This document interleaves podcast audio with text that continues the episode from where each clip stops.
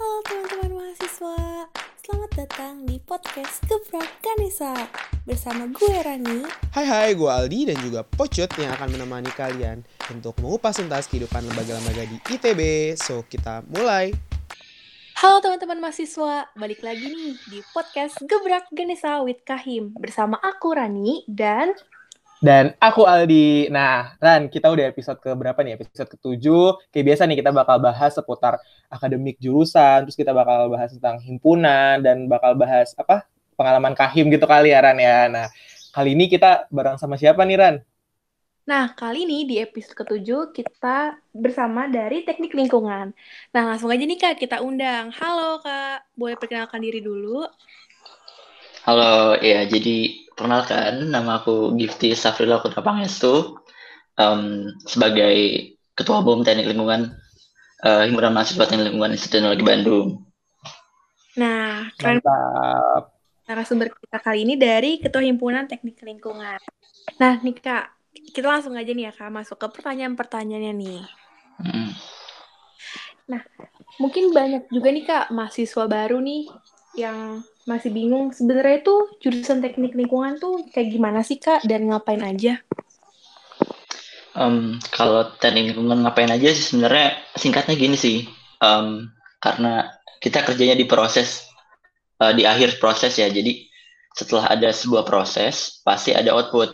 Nah, output yang dihasilkan tuh kan nggak semuanya diinginkan ya, jadi ada yang namanya tuh non product output gitu. Nah, itu sebenarnya bisa um, mengganggu lingkungan. Nah, jadi banyak uh, hal-hal yang ada di situ. Contohnya dari mulai dari limbah cair, lalu ada limbah padat, lalu ada limbah udara.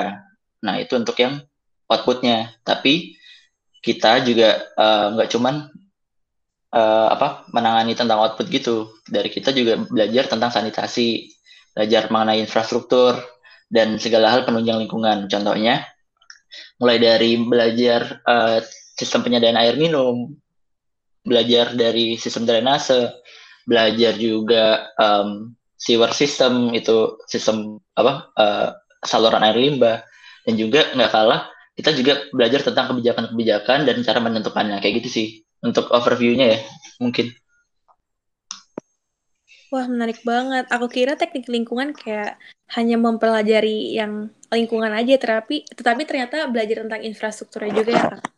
Oh ya, mau namain juga nih. Uh, sebenarnya di teknik lingkungan itu Boleh, boleh. Nah, sebenarnya di teknik lingkungan itu nggak cuman uh, yang kayak tadi kan. Ada lagi kita belajar tentang kesehatan lingkungan. Nah, kesehatan lingkungan itu kita belajar mengenai penyakit-penyakit yang ada di lingkungan dan gimana caranya kita memutus supaya masyarakat itu nggak terkena penyakit-penyakit. Nah, kita juga belajar tentang pandemi, epidemi gitu. Jadi sebenarnya kita bisa juga untuk mengkaji tentang pandemi dari segi teknik lingkungan.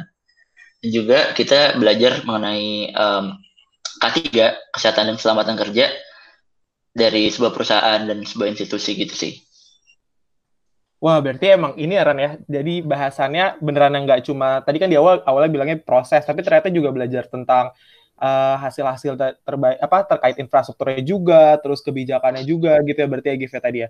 Terus sama hmm. tentang kesehatannya juga berarti kebahas juga ya karena bahasa tentang isu-isu lingkungan juga berarti kan dikaitin juga ya berarti sama dari teknik lingkungan ini gitu ya Gif ya. Benar benar.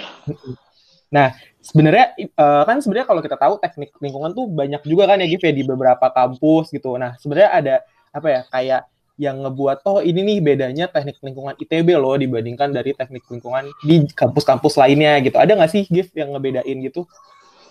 Nah, sebenarnya kalau yang ngebedain tuh pertama ya jelas teknik lingkungan ITB itu uh, teknik lingkungan yang pertama gitu ya. Mulai dari namanya belum teknik lingkungan, dulu tuh namanya teknik, masih teknik penyihatan, teman-teman. Jadi baru ganti nama teknik lingkungan tuh sekitar 1988-an gitu.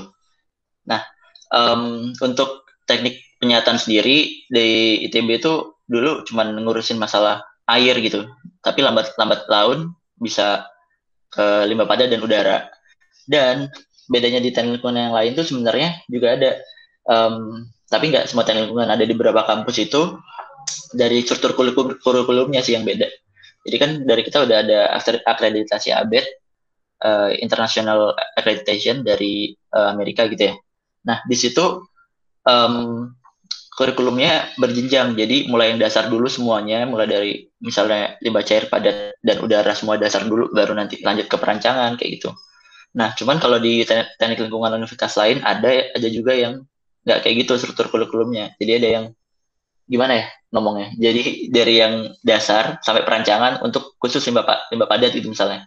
Terus kalau udah uh, mahir limbah padat nih uh, migrasi nih uh, belajar yang limbah udara dari dasar lagi sampai advance gitu. Jadi uh, ada ada di universitas lain tuh beberapa yang baru tingkat dua tapi udah lebih expert di bidang limbah padat gitu misalnya atau limbah cair.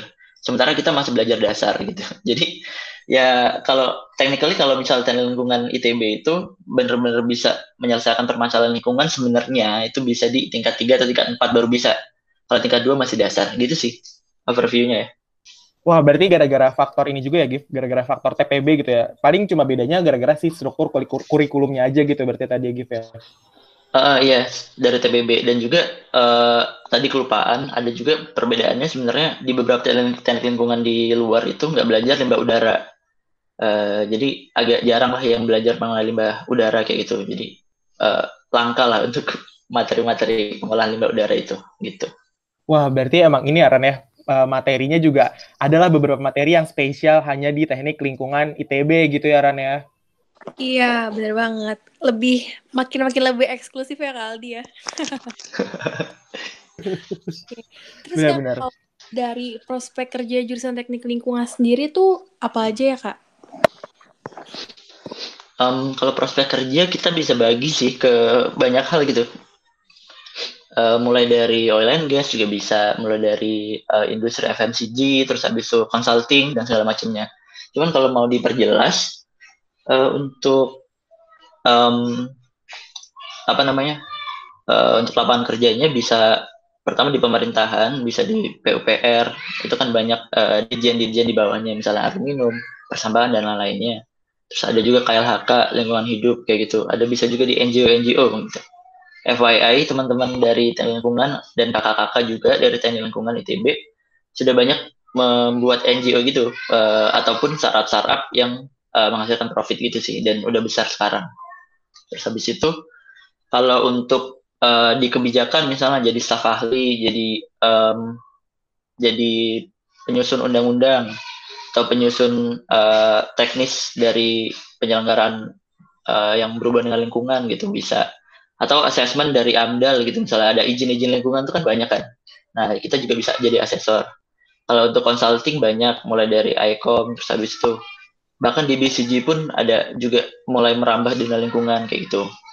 Terus nambah lagi um, di uh, pengelolaan K3-nya juga bisa. Jadi kan sekarang lagi banyak tuh. Uh, lagi banyak tangga K3 K3 lagi butuh. Nah di sini teknik lingkungan juga bisa provide itu. Uh, sejauh ini itu sih yang yang jadi prospek kerja dari teknik lingkungan. Berarti emang luas banget ya kak. Akhirnya kayak nggak seluas beragam itu. gitu ya Ran ya. Iya benar. Bahkan bisa dirin company sendiri ya kali dia keren keren. Iya, tadi kayak udah ada beberapa NGO NGO gitu ya Ran ya. Iya nah, benar. Uh, Sebenarnya gue kepo nih Gif. Sebenarnya anak teknik lingkungan tuh kan karena kan berbau lingkungan banget nih. Nah, dia itu tuh emang dituntut buat kayak lo harus go green ya, lo tuh harus cinta jadi pecinta lingkungan banget nih. Ini gak sih? Soalnya kan kayak kayak gak tahu sih karena beberapa teman teknik lingkungan gue emang orangnya seperti itu gitu. Apakah emang kebetulan aja atau emang ada tuntutan tersendiri gitu mungkin? Sebenarnya kalau kalau ini menarik sih. Semua pertanyaan ini menarik karena kalau di teknik lingkungan sendiri itu sebenarnya ya uh, mindsetnya itu benar-benar go, tergantung go green-nya dulu apa nih gitu. Kalau misalnya yang selama ini kita kenal dengan go green kan banyak kan juga persambahan kan. Jadi mindsetnya yeah. memang memang ada hierarkinya gitu teman-teman. Di hierarkinya dari hmm. uh, reduce, jadi harus di uh, kecilin dulu gitu misalnya. Harus di penggunaannya di dipangkas gitu. Habis itu baru reuse, habis itu baru recycle, di bawahnya baru ada lagi tuh recovery dan segala macamnya gitu bahkan bisa tembus sekarang 17 R gitu bahkan ada tapi terlalu oh. banyak gitu ya dan sebenarnya yang menanamkan kayak gitu sebenarnya dosen jadi dosen-dosennya juga aktif lah dalam campaign-campaign lingkungan gitu misalnya dari segi produksi bersih gitu misalnya ada nih salah salah satu dosen teknik lingkungan ITB itu bercita- bercita-cita banget nih dilihat-lihat tuh limbah kertas kan banyak kan di ITB Iya, benar. kenapa kita nggak bikin recycling ulang dari limbah kertas nanti jadiin kertas gitu atau dari Oh, iya. limbah iya. daunnya dia jadiin kertas sendiri kayak gitu itu ada wacana dari dosen-dosen dan lingkungan kayak gitu sih Wah, berarti mungkin emang ini ya berarti Gif ya, lebih ke pola pikir eh, apa apa ya penanaman mindset gitu kali ya, makanya jadi menggerakkan eh, mahasiswanya juga. Oh iya, gue harus cinta lingkungan. Mungkin lebih ke arah penanaman mindset kayak gitu dari dosen gitu ya. Berarti ya peran dosen berarti kerasa banget ya Gif ya. Hmm, iya banget dosen tuh bener-bener jadi mentor kita di eh, apa di jurusan maupun sampai ke himpunan mungkin eh, sampai dosen tuh memperhatikan gitu Wah, menarik banget ya Ran ya. BTW, kalau misalnya ini kan, kita kaitin sekarang nih, dari teknik lingkungan, kan lo jurusan berarti sekarang udah semester berapa nih Gif? Semester 7 ya Gif ya? hmm, setuju ada ini nggak sih Gif yang dampak yang lo rasain? Apalagi kan sekarang pandemi dan lo harus mau nggak mau kuliah online gitu kan. Ada dampaknya nggak sih Gif? Gitu dari si kuliah online ini. Apalagi kan banyak lab-lab gitu kan harusnya teknik lingkungan. Ini agak miris sih sebenarnya. Ada banyak banget sumpah Em, gimana tuh gimana dampaknya tuh pertama ya kalau yang eh, aku rasain sendiri banget itu KP sih KP itu Hmm, kalau teknik lingkungan kan benar-benar harus um, on-site gitu kan, harus mengevaluasi yang ada di set site gitu misalnya. Nah, agak terganggu sih ka- kalau KPWFH juga banyak yang nolak gitu. Dan sebenarnya pun siapa sih yang mau KPWFH gitu kan? Jadi kayak tugas tugas besar dalam satu bulan aja gitu kan, wah makin iya, bener, pusing lagi. Terus eh, yaitu kendalanya di KP salah satunya. Terus habis itu untuk lab-lab emang bener sih. Kalau untuk lab-lab tuh susah buat di eh, izinin gitu. Bahkan FYI aja kemarin dari eh, ini agak overlap dikit ya BRT HMTL tuh mau masuk ke himpunan tuh bahkan udah ngajuin surat ditolak gitu. Dan itu Hmm. berlaku juga buat anak-anak praktikum. Makanya untuk praktikum sekarang tuh banyak kan online sih. Kalau untuk eh, teman-teman tingkat 3, tingkat 2 gitu tapi online peralatan kayak gitu-gitu gimana tuh Gif maksudnya apakah akan pasti butuh peralatan kan Mm-mm. Lebih ke shifting sih, eh, guys. Jadi shiftingnya tuh ke lihat video, habis itu kita oh analisis di videonya itu gitu lah. Salah salah satunya gitu. Oh, berarti emang seberdampak itu ya terkait si apa namanya kuliah online ini untuk jurusan teknik lingkungan ya Ran ya. Oke kan, berarti kan tadi lo udah bilang nih kalau lo tuh kerasa banget kan ya Gif ya dari si dampak kuliah online ini gitu. Apalagi tadi ada lab-lab yang harus itu apakah akan ditunda atau tetap dijalanin gitu kan? Kalau nggak salah kan kalau misalnya kayak kedokteran, temen gue ada anak kedokteran itu tuh ada beberapa lab yang ditunda gitu sampai pandeminya beres. Nah kalau ini berarti tetap dijalanin terus gitu. Dari kita memang gas-gas terus sih. Em, ya tadi udah udah ada udah ada em, backup plan Video gitu ya. video gitu. eh. sama sih gue juga gitu studio jalan terus pandemi nggak pandemi jalan gitu Emang Nah. kita anak ITB kali ya kayak gitu. ya. iya emang tetap di push gitu ya mau online mau enggak tetap Heeh. harus gitu btw nih kalau ngomongin jurusan ngomongin lab ngomongin mata kuliah nih ya kita sekarang ngomongin mata kuliah apa sih ada nggak sih mata kuliah yang selama lo berarti kan udah enam semester lo lewati nih ada nggak yang ini tuh favorit gue banget dan ada nggak yang ini nggak favorit gue banget deh gitu. Kalau di TL itu yang favorit gue banget lebih ke kan gue sukanya kebijakan gitu kan lebih ke jadi ada tuh eh, matkul yang namanya analisis sistem pengelolaan lingkungan. Nah itu matkulnya belajar gimana caranya kita menentukan kebijakan dari permasalahan-permasalahan lingkungan gitu misalnya kayak Hmm, hmm, hmm. misalnya kayak gini banjir nih ada banjir. Banjir karena ada apa? Misalnya karena ada curah hujan banyak gitu. Misalnya juga ada apa? Em, sampahnya di sungai jadi sungai nggak bisa ngalir. Terus habis itu banjirnya karena eh, pohon-pohon eh, ditebangin semua. Nah kita harus bisa memutuskan gitu kan. Duitnya kan nggak nggak semuanya bisa buat ngebenerin semua itu kan. Jadi harus ada prioritas prioritinya gitu. Nah untuk itu kita belajar juga gimana caranya kita menentukan prioritas atau kebijakan apa yang tepat untuk menanggulangi banjir gitu sih. Itu yang Hmm. disukain. Kalau yang nggak disukain sebenarnya ada matkul semester 3 banget. Yang dulunya matkul wajib sekarang jadi matkul pilihan. Kan baru ganti kurikulum kan. Itu namanya PL PTL pengenalan teknik lingkungan. PTL. Hmm. Nah, pengenalan teknik lingkungan ini Kenapa tuh? Sebenarnya favorit sih pas dulu semester 3. Cuman makin ke sini makin kerasa. Gila, gue dulu semester 3 tuh nggak belajar apa-apa ternyata. Maksudnya cuma sneak peek doang. Senangnya pas semester 3 doang. Abis itu udah hilang ke mana-mana lenyap gitu. Karena terlalu banyak yang dipelajarin gitu pas di matkul PTL itu. Kan tujuannya buat kenalin Hmm. teknik lingkungan kan. Ke maba-maba teknik lingkungan gitu kan. Jadi, Tapi terlalu padat ya materinya gitu ya. Eh, eh, dan juga sebenarnya kalau mau di ini ya kalau mau fair gitu ya setelah itu Hmm. kita belajar yang lebih advance dari itu dan ya dulu tuh emang kalau dipikir kenapa kita belajar itu mungkin untuk men- meningkatkan niat eh, atau minat kita di lingkungan gitu kali ya Lebih mengunggah kayak apa semangat kali ya kayak biar Hmm. oh kebayang nih lo ke depannya gini gitu ya. Hmm, semangat Lo ngerasain waktu pas pas lo ngerasain pas lagi itu jadi wajib ya? Iya pas jadi wajib banget Baru ganti pas lo udah beres gitu ya berarti. iya pas udah lulus udah semester berapa ya semester lima baru ganti jadi pilihan itu Wah berarti emang ini banget ya Ran ya dari perubahan mata kuliah eh perubahan kurikulum juga ternyata ada matkul yang berpengaruh gini ya yang nggak disuka ternyata oh kalau gitu nggak usah ngambil ya gitu ya gitu. Bener banget. sebenarnya ya kalau untuk ngomongin kurikulum ya.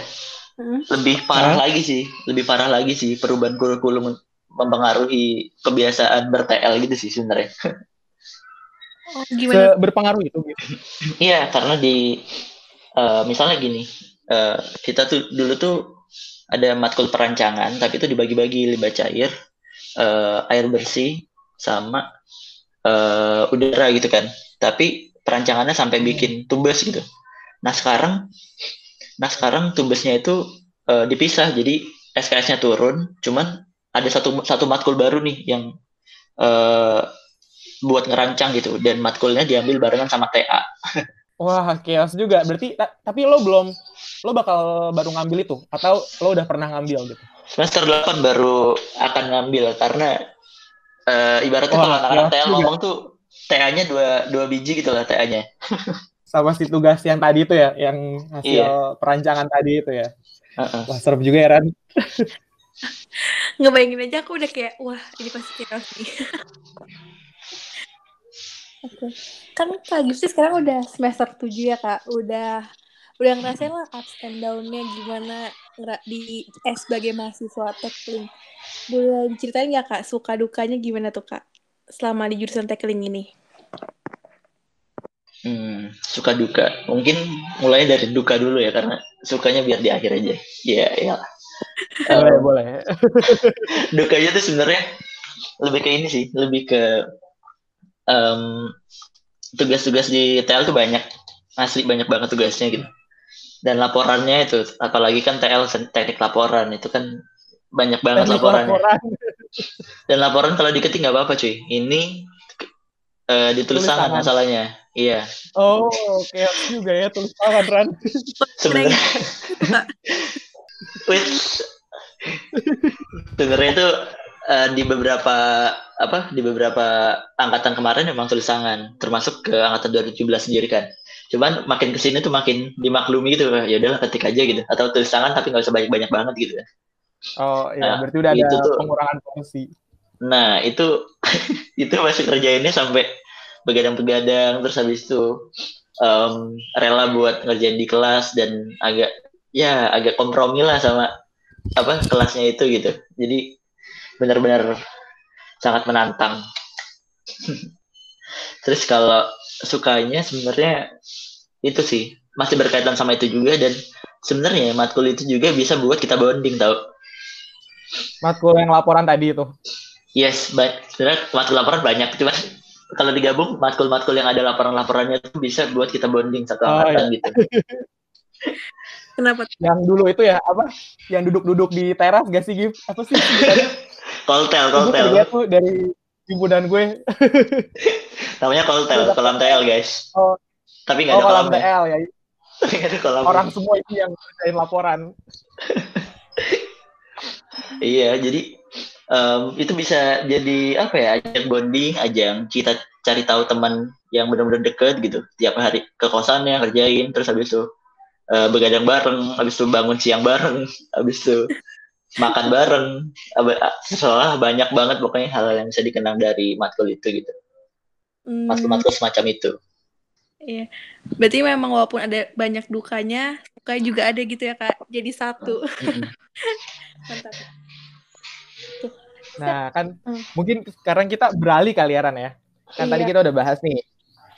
Kayak udah banyak nih. Terus tadi sebenarnya gitu juga agak-agak nyinggung nih. Tadi kan katanya sih dosen sama mahasiswanya kalau di himpunan tuh dosen nggak dukung juga gitu tadi kan katanya Gif. Nah, Hmm. sebenarnya boleh jelasin dulu nggak sih? Mungkin secara singkat nih, HMTL tuh himpunan yang kayak gimana gitu. Sebenarnya kayak ya secara umum orang memandang HMTL atau HMTL ingin dipandang seperti apa gitu boleh banget nih Gif dijelasin dulu. Um, Oke, kalau orang memandang HMTL sih yang eh, didengar-dengar gitu ya. HMTL ini pengmasnya kerasa banget Ah. kayak gitu. Dan sebenarnya nggak bisa, nggak bisa dipungkiri sih karena memang ilmu TL tuh dekat sama masyarakat itu. Jadi lu mau bikin air bersih, eh, mau bikin sarana sanitasi mungkin bisa. Terus habis itu bikin jaringan air limbah bisa juga. Persampahan, bikin TPS itu bisa juga. Dan segala macamnya itu banyak kan. Cuman makin ke sini TL tuh makin geser menurut menurut ini ya menurut kita sendiri ya. Jadi kayak TL tuh makin geser. HMTL pun bergeser gitu. Jadi yang dari awal bener-bener pengen mas sanitasi banget sekarang bergeser ke kajian-kajian keilmuan. Nah kajian-kajian keilmuan itu Hmm. sebenarnya eh, karena isu TL memang dekat dengan masyarakat kebijakan-kebijakan mengenai lingkungan juga banyak yang dikeluarkan. Contohnya kayak omnibus law terus habis itu eh, isu buat ngebawa perubahan iklim ke COP gitu dan dan segala macamnya. TL hadir gitu HMTL pun hadir di sana buat em, berkecimpung juga lah gitu ikut berpartisipasi buat ngasih manfaat ke masyarakat lewat eh, kajian-kajian lewat eh, apa eh, pengawalan kebijakan terus habis itu lewat kekaryaan pembuatan karya mengenai eh, suatu permasalahan-permasalahan yang ada di masyarakat dan segala macamnya gitu sih. Nah kalau eh, in general TL sih menurut kita sih memang ke situ ya arahnya untuk sekarang gitu termasuk MTL Hmm, berarti kalau kalau dulu orang mungkin banyak memandang kalau TL ini lebih ke arah sosmas gitu ya, karena emang deket juga kan ya ilmunya sama masyarakat dan sekarang juga lagi nguatin di bagian kajian keilmuannya gitu ya berarti ya Gif ya. hmm, bener Hmm, oke.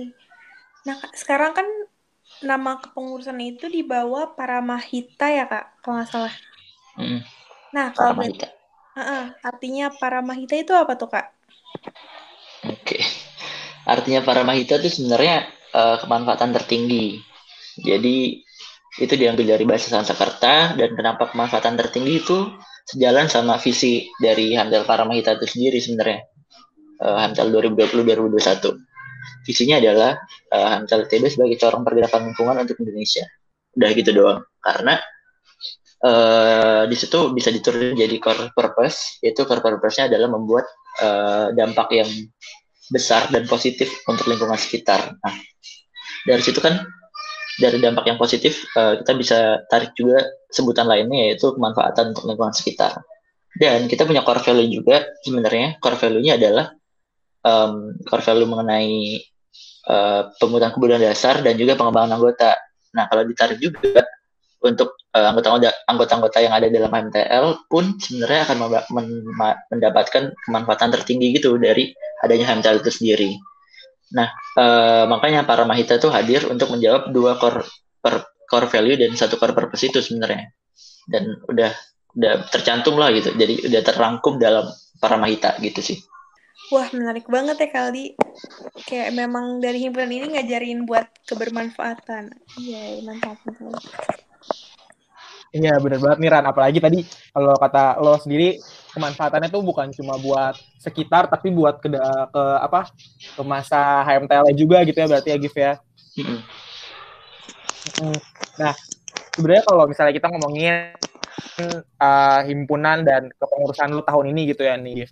Ada ini nggak sih proker terbesar nih kali ini di kepengurusan sekarang yang apalagi kan uh, urusan sekarang kan pandemi gitu mungkin ada nggak sih proker lo yang ini tuh terbesar nih HMTL nih sekarang gitu.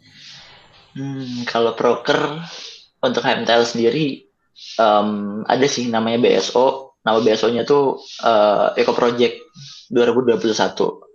Nah, Eco Project itu terdiri dari banyak sih, gimana dari mulai dari main event dan juga pre-event. Um, jadi kayaknya diceritain dulu ya kenapa bisa ada Eco Project.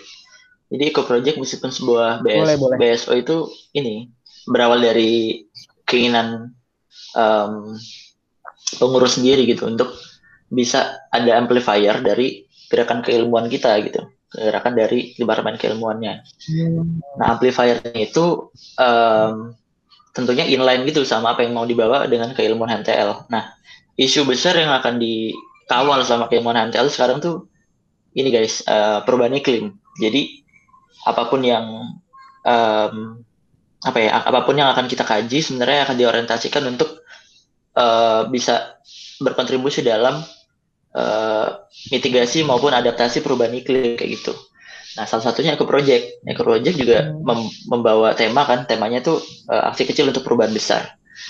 Nah, di sini uh, akan di apa ya, dikerucutkan gitu untuk tema-temanya bakal uh, ber berorientasikan meng apa ya mencegah perubahan iklim perubahan gitu. Iklim tadi gitu. Uh -uh.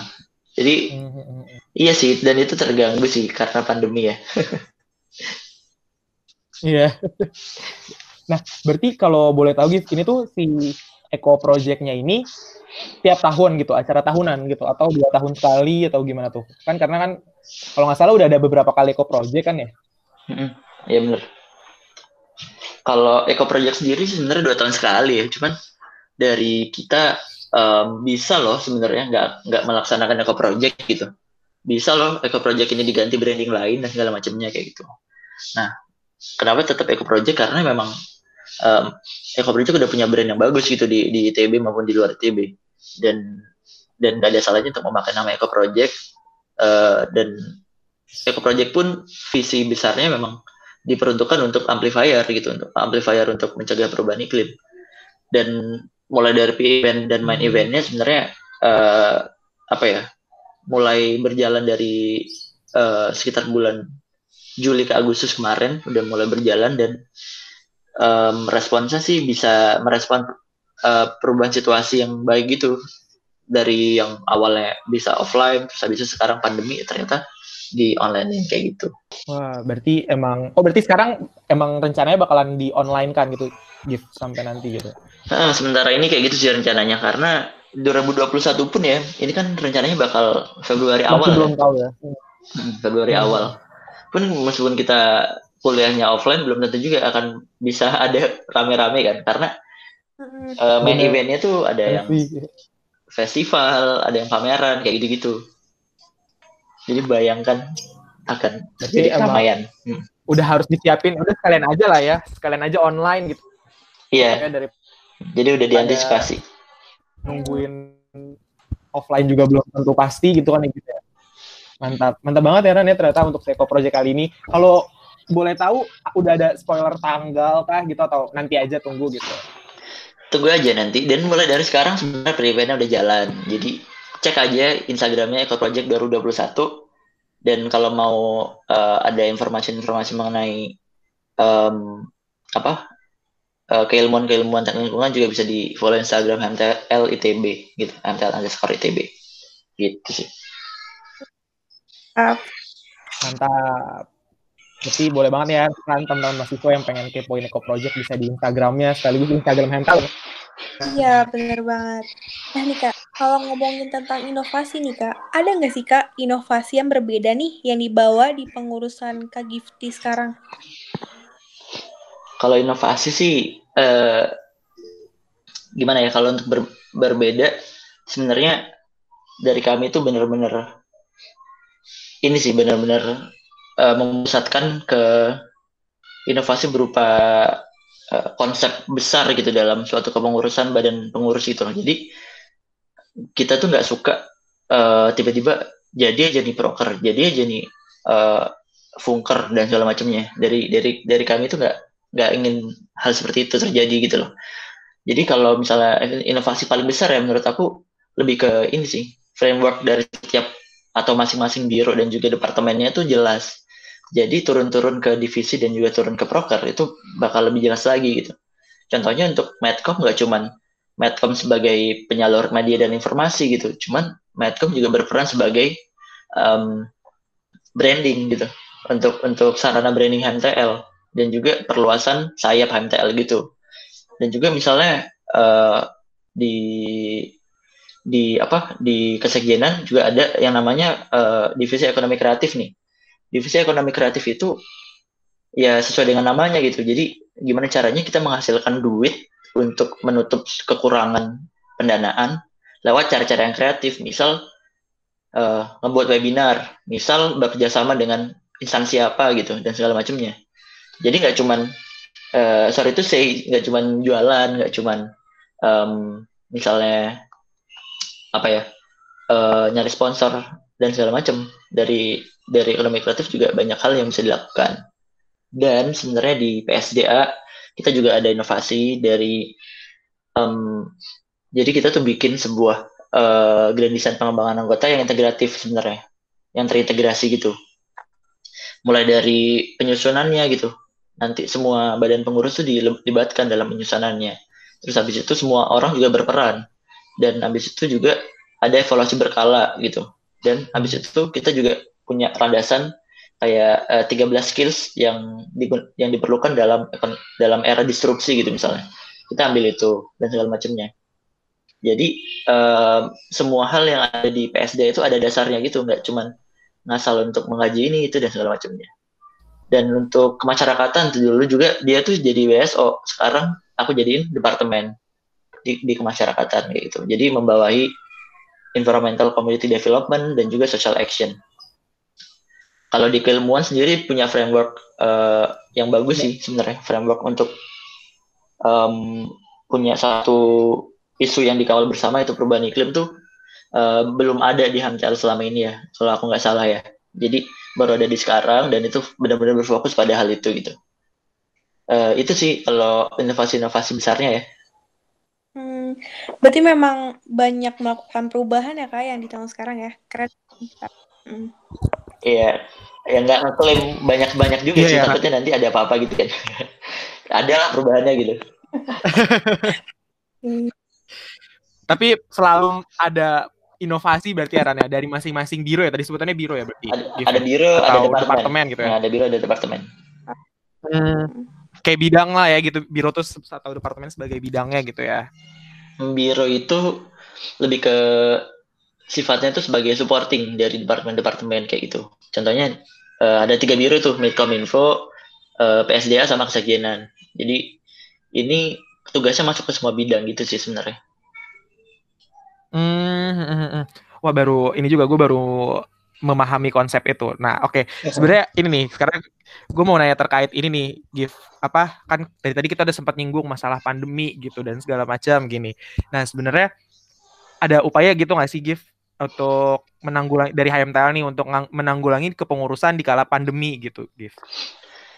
Kalau kalau upaya kan uh, ini ya, maksudnya uh, apa yang bisa kita usahakan juga akan kita usahakan. Contohnya kita baru naik sekitar hmm. kita baru muker tuh sekitar bulan Juni dan di Juni itu kita udah punya ancang-ancang soalnya kan di Juni itu belum ada kebijakan-kebijakan yang gimana-gimana gitu dari pemerintah ataupun internal ITB sendiri gitu apakah boleh iya, offline yeah, yeah. atau boleh online dan segala macamnya. Jadi kita inisiatif buat dua dua versi uh, program kerja gitu. Ada yang versi pandemi, ada yang versi normal gitu. Jadi kita bisa uh, adjust lah nanti gimana gimana enaknya kayak gitu.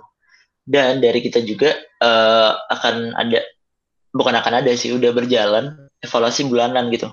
Mulai dari apa ya, evaluasi itu nggak sekedar evaluasi. Jadi evaluasinya berdasarkan data bener-bener feedback masa kayak berupa um, jadi kita menganalisis misalnya masa itu lebih tertarik untuk proker proker yang berbau apa keilmuan atau misalnya keilmuan atau uh, eh, PSDA gitu atau webinar-webinar yang keprofesian gitu misalnya. Nah itu kita analisis. Jadi um, faktor-faktornya itu nggak cuma itu sebenarnya. Banyak kayak harinya apa platformnya apa dan segala macamnya itu jadi kita bisa belajar gitu untuk menyelenggarakan suatu sistem yang memang belum ada sebelumnya dan kita uh, harus bisa apa ya bergerak bergerak yang lincah gitu atau agile gitu bisa dibilangnya biar si HMTL tuh nggak mati dan anggotanya tuh nggak berasa tertinggalkan gitu sih. Dan kita juga bakal ada semacam LPJTT tapi bukan LPJTT namanya itu forum HMTL bertanya dan itu akan jadi rekapan setengah kepengurusan dan feedback feedback NASA juga akan kayak gimana gitu. Dan itu akan jadi uh, apa ya uh, bounce back gimana caranya si HMTL bisa uh, berbuat sesuatu gitu di di tengah uh, apa ya evaluasi evaluasi buruk pandemi, gitu. ya pandemi dan keadaan-keadaan hmm. yang nggak memungkinkan gitu gitu sih Wah, berarti emang ini ya Ran ya. Apa karena mungkin dari awal juga udah ini ya Gif ya, udah apa udah mukernya baru muker kan berarti pas udah ada isu pandemi gitu kan. Jadi yes. emang udah dipersiapkan juga dari awal terkait oh planning-planning COVID dan non COVID gitu. Wah, berarti emang udah dipersiapkan banget nih Ran dari HMTL untuk kepengurusan ke depan nih Ran. Benar. Jadi udah tinggal dilaksanain aja ya Kak karena persiapannya udah lumayan matang. Mm -hmm. Mm -mm. Ya ada beberapa adjustment lah di sana sini tapi minor gitu loh. Jadi ya alhamdulillah ya bisa jalan. alhamdulillah.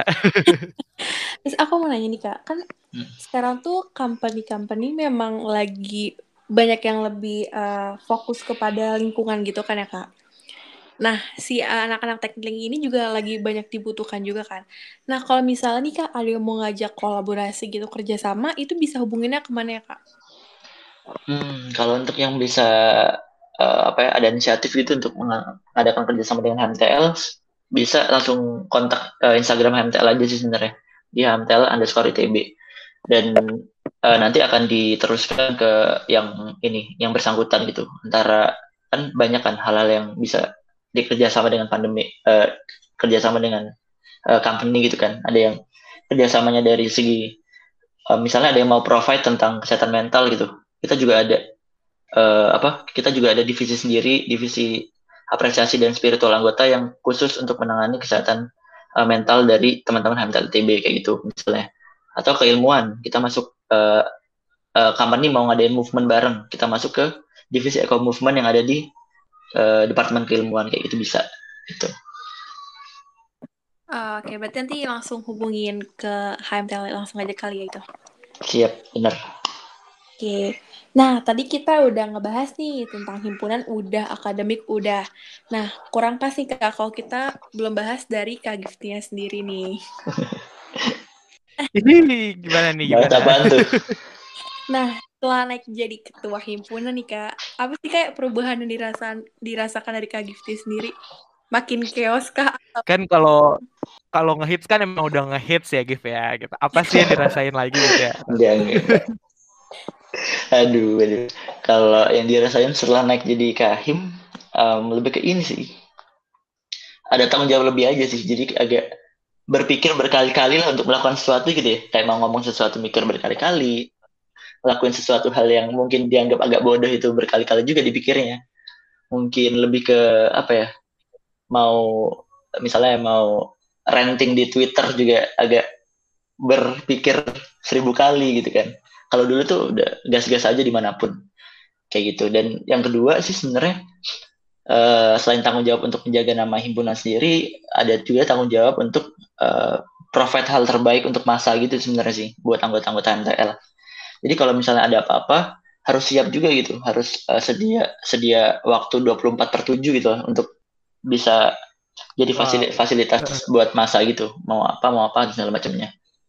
Lebih sadar aja kalau kita tuh sebenarnya hidup tuh nggak sendirian cuy. Jadi itu tuh kita hidup ya bersama dengan teman-teman yang kita sayang gitu di HMTL gitu. Dan bersama teman-teman juga yang uh, mungkin ada teman-teman yang menggantung, menggantungkan nasibnya ke HMTL gitu. Kita kan nggak tahu.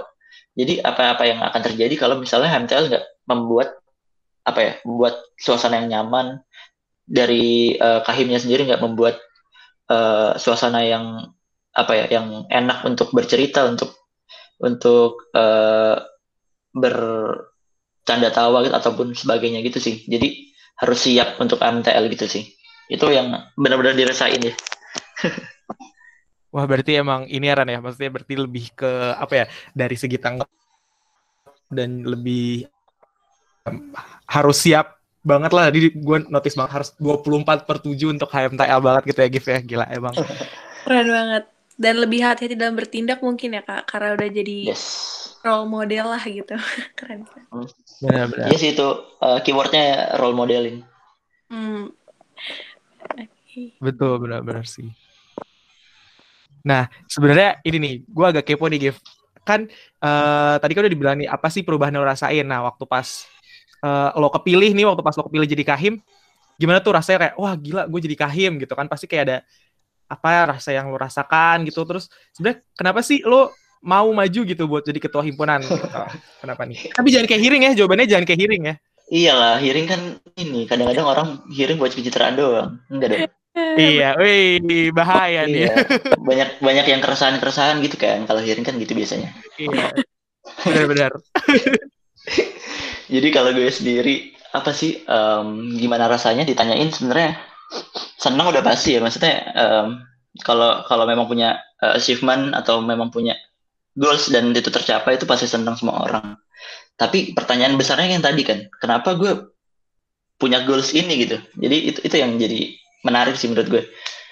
Em, kenapa bisa gitu? Karena ini sih lebih ke banyak faktor ya. Pertama, kalau misalnya ngelihat Kahim keren, ya memang Kahim keren gitu. Cuman baik lagi, apakah apakah gue bisa setelah masuk jadi Kahim, gue bisa jadi Kahim yang keren menurut gue dulu gitu? Itu kan agak ini juga ya, agak berat ya sebenarnya.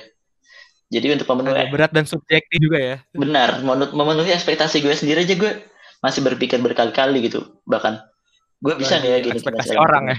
itulah bos. Jadi memang bener-bener eh, itu sih yang yang yang gue rasain gitu. Dan kalau kenapa pengen jadi kahim sebenarnya gue gue nggak akan bilang keresahan atau apa pun. Cuman em, kenapa pengen jadi kahim?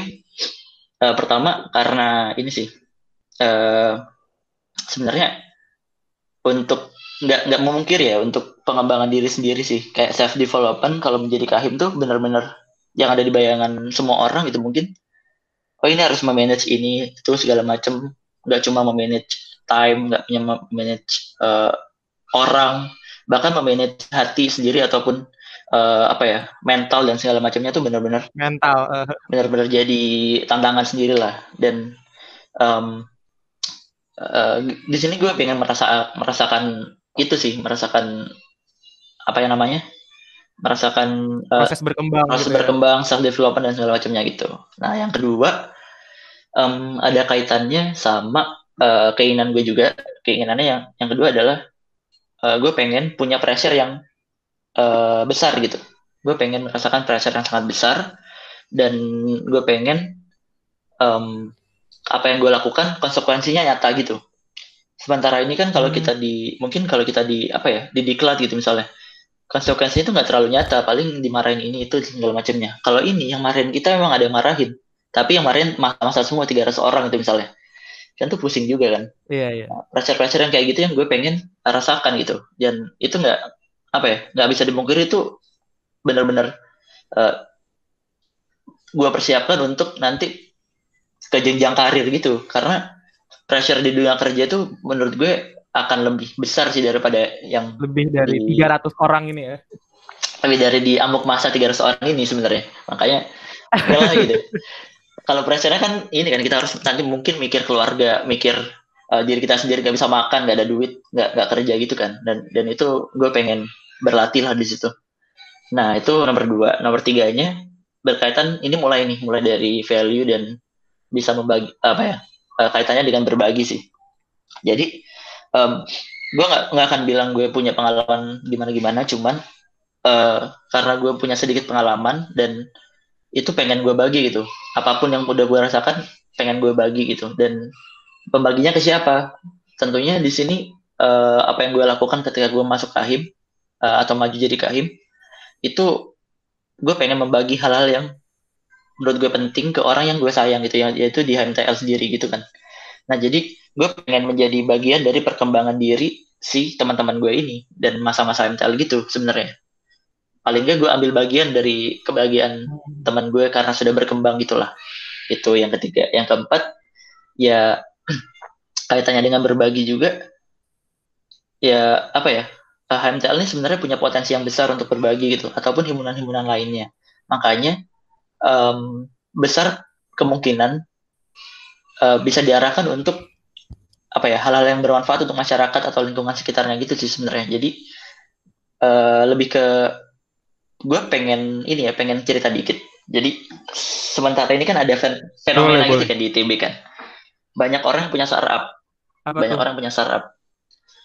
Entah itu entah itu ah, startup ah, entah itu community entah itu um, mungkin apa ya sebuah sebuah unit atau apa pun gitu punya startup dan mulai dari nol gitu. Hmm. dan itu bagus menurut gue buat yeah. membuat impact ke sekitar gitu kan. Cuman uh, gue merasa udah ada nih wadah buat gue udah ada platform yang bisa gue manfaatkan untuk membuat membuat uh, apa ya membuat suatu gerakan untuk bermanfaat bagi sekitar yaitu HMTL ITB kayak gitu. Dan gue juga akan mengajak teman-teman gue kayak gitu. Jadi instead of gue bikin startup sendiri mending gue masuk ke HMTL ITB kayak gitu. Dan gak ada salahnya juga karena itu sebuah uh, menurut gue niat baik gitu untuk untuk bisa mengembangkan suatu lingkungan sekitar HMTL ITB gitu sih sebenarnya. Jadi itu sih yang mendasari gue kenapa pengen jadi kahim. Wah ini banget ya Ran. Emang bener-bener dari internal Gifty sendiri sampai mempertimbangkan dampak untuk ke eksternalnya juga gitu ya. Apalagi gue juga setuju sih itu kayak buat apa lo udah punya wadah tapi lo harus buat dari nol gitu lah ya gift kasarannya kalau lo udah punya ya lo kembaliin aja dulu lo bisa bermanfaat dulu aja gitu di situ gitu. Hmm, tapi nggak ada salah juga buat dari nol gitu kalau kalau memang yeah. percaya diri bisa membuat hal yang besar gitu impactnya. Benar-benar. Dan itu bagus. Keren keren. Baik lagi lah ya itu ke pilihan masing-masing gitu. Berarti memang istilahnya kayak uh, kebermanfaatan lah ya untuk semuanya anjay. Hati-hati kalau ngomong ya. kalau ngomong anjay kan anjay. Ya. ini dong. Baru banget keluar tuh. Kaldi kita nggak kerasa nih kak udah ngobrol 54 menit nih kak. Udah lumayan lama juga. Benar, nggak kerasa. Udah hampir satu jam kita ngobrol bareng Gifty yang emang seru banget ya Ran. Mulai dari Gifty sharing tentang akademiknya, terus tentang di himpunan nih kayak gimana sampai yang tadi bener-bener kerasa banget apa ya dampak dari Gifty uh, apa ya yang Gifty rasakan lah jadi kahim atau apa yang motivasinya juga jadi kahim. Oh, ini menarik banget siarannya. Betul banget. Nah, sebelum kita tutup nih teman-teman mahasiswa, mungkin dari Kak Gifty mau closing statement sedikit Kak? Iya, kalau pesan, pesan eh pesan gitu mungkin buat teman-teman mahasiswa boleh banget nih Gift. Kalau pesan sih sebenarnya agak agak kurang cocok sih karena gue orangnya bukan yang benar-benar wise untuk memberikan pesan gitu kan. Cuman ya boleh, uh, boleh. I'll try. Jadi um, masih ada kaitannya dengan kebermanfaatan. Keber, kebermanfaatan ini nggak melihat siapa yang melakukan gitu, tapi yang yang akan dilihat adalah sejauh mana si keber, kebermanfaatan ini berdampak untuk beberapa orang dan bahkan untuk segelintir kecil orang pun akan dihitung sebagai kebermanfaatan kayak gitu. Makanya nggak um, ada salahnya dengan teman-teman bergerak berdasarkan uh, goals teman-teman yang pertama, yang kedua berdasarkan apa yang teman-teman ingin berikan kepada orang-orang sekitar kalian gitu. Jadi uh, entah itu metodenya dengan mungkin kayak gue jadi memanfaatkan platform platform yang udah ada atau uh, membuat platform sendiri atau juga join sama teman dan segala macamnya itu nggak ada yang salah. Asalkan uh, semua diniatkan untuk kebaikan dan untuk kemanfaatan semuanya akan menjadi lebih indah. Sama kayak pepatah Jawa ya kan gue orang Jawa juga. Um, ada yang namanya pepatah yang bunyinya gini memayu hayuning bawono gitu. Memayu hayuning bawono itu artinya memperindah keindahan dunia. Nah dunia yang indah aja harus diperindah gitu. Apalagi sekarang dunianya lagi hancur lagi kurang baik gitu. Makanya kita harus senantiasa berkontribusi untuk dunia dan masyarakat sekitar. Mungkin itu aja dari gue. Makasih. Wah, mantap banget ya Ran. Pesannya untuk teman-teman mahasiswa ini keren banget emang ya. Nah, karena tadi udah merupakan closing statement juga nih teman-teman mahasiswa dari Gifty, jadi karena gak kerasa juga kita udah di penghujung podcast kita kali ini di episode ke-7. Mm-hmm. Jadi kita mungkin pamit dulu kali ya untuk episode kali ini. Uh, aku Aldi dan aku Rani. Terima kasih banyak buat Kak Gifty dan buat teman-teman mahasiswa yang udah dengerin podcast Gebrak Ganesa with Kahim episode kali ini. Jangan lupa dengerin okay. episode Gebrak Ganesa yang lainnya ya. ya. Dan tunggu okay. next episode. Sampai jumpa. Dadah.